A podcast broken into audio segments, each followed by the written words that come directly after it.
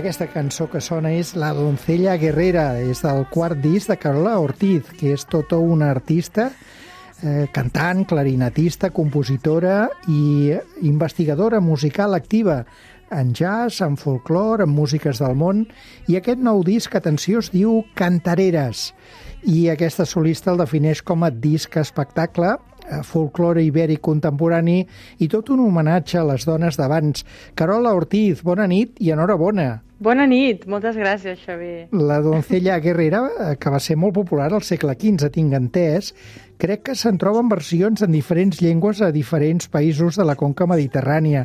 És correcte tot això? Sí, exactament. És un romanç. Viatjaven no? amb vaixell i amb, amb les conquestes i tot això, no? I també perquè representa com un arquetip, no? Una mica de la, la dona que, que s'ha de vestir d'home per, per entrar en un món només doncs, masculí en aquell moment, mm. no? I com has trobat aquest tema del segle XV, per exemple? Aviam, uh, jo aquest tema i, la, i molts dels temes del disc els he trobat en arxius de, de cançons gravades de tradició oral, no? Mm, no hi ha la partitura, són arxius de gravacions de la majoria uh, d'elles en són avis no? i àvies.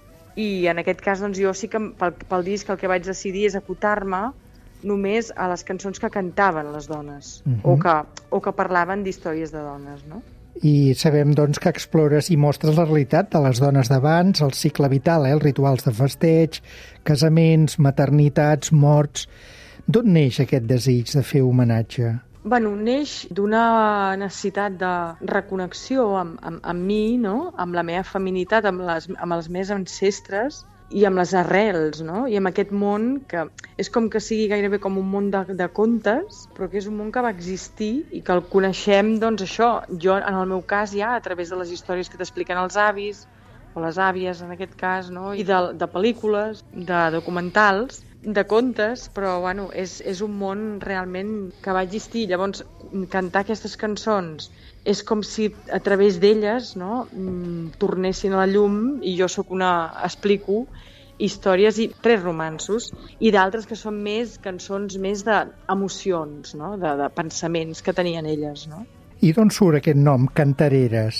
Bueno, és, jo ho agafo com una icona d'una feina que feien les dones, que també va existir i que per nosaltres és com gairebé una peça de museu, que és aquests cànters, no? que els portaven al cap i a la cintura i anaven a les fonts als rius a, a buscar l'aigua, no? amb els, amb els cànters. I després, o sigui, com una icona de la dona, diguem-ne, no, d'abans, que alguns països potser encara existeix, no? com a l'Àfrica, potser algunes parts de la Índia, que van a buscar l'aigua amb, amb aquests cànters, no?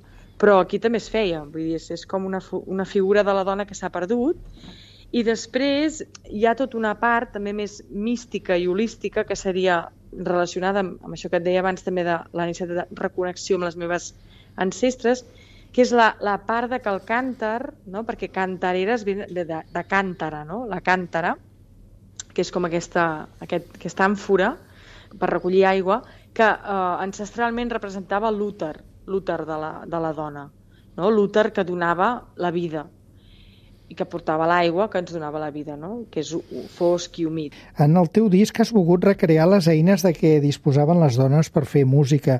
Això sembla incompatible amb els tocs de música electrònica d'avui en dia, no? No sé si cal tornar a les arrels. Mira, um, és que el, que el que és interessant és que molta de l'electrònica d'aquest disc ha estat feta processant els, eh, els elements acústics d'aquests instruments en si.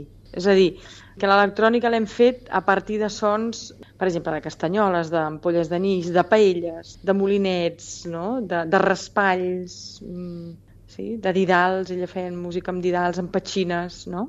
amb culleres. Carola, ets filla de músic de jazz i mare vinculada al món del teatre. Fins a quin punt t'ha influenciat viure una família vinculada al món artístic? Home, doncs jo crec que moltíssim, no?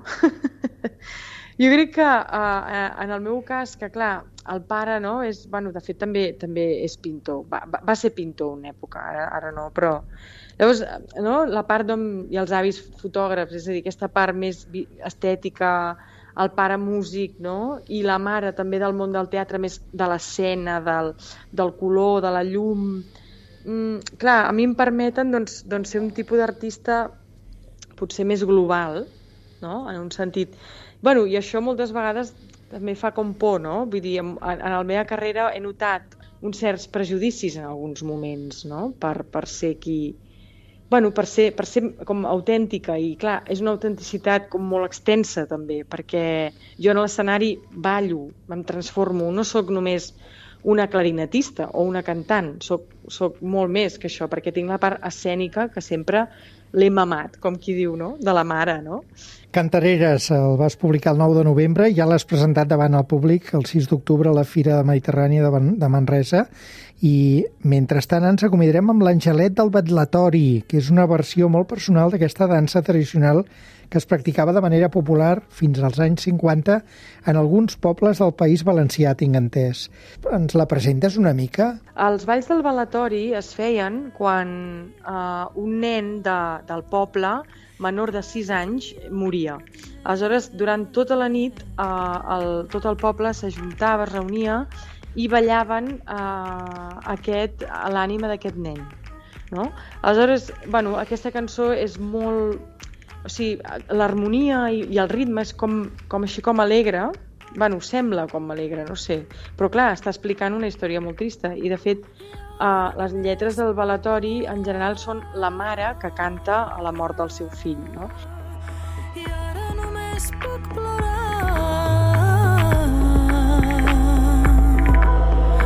Llàgrimes de melangia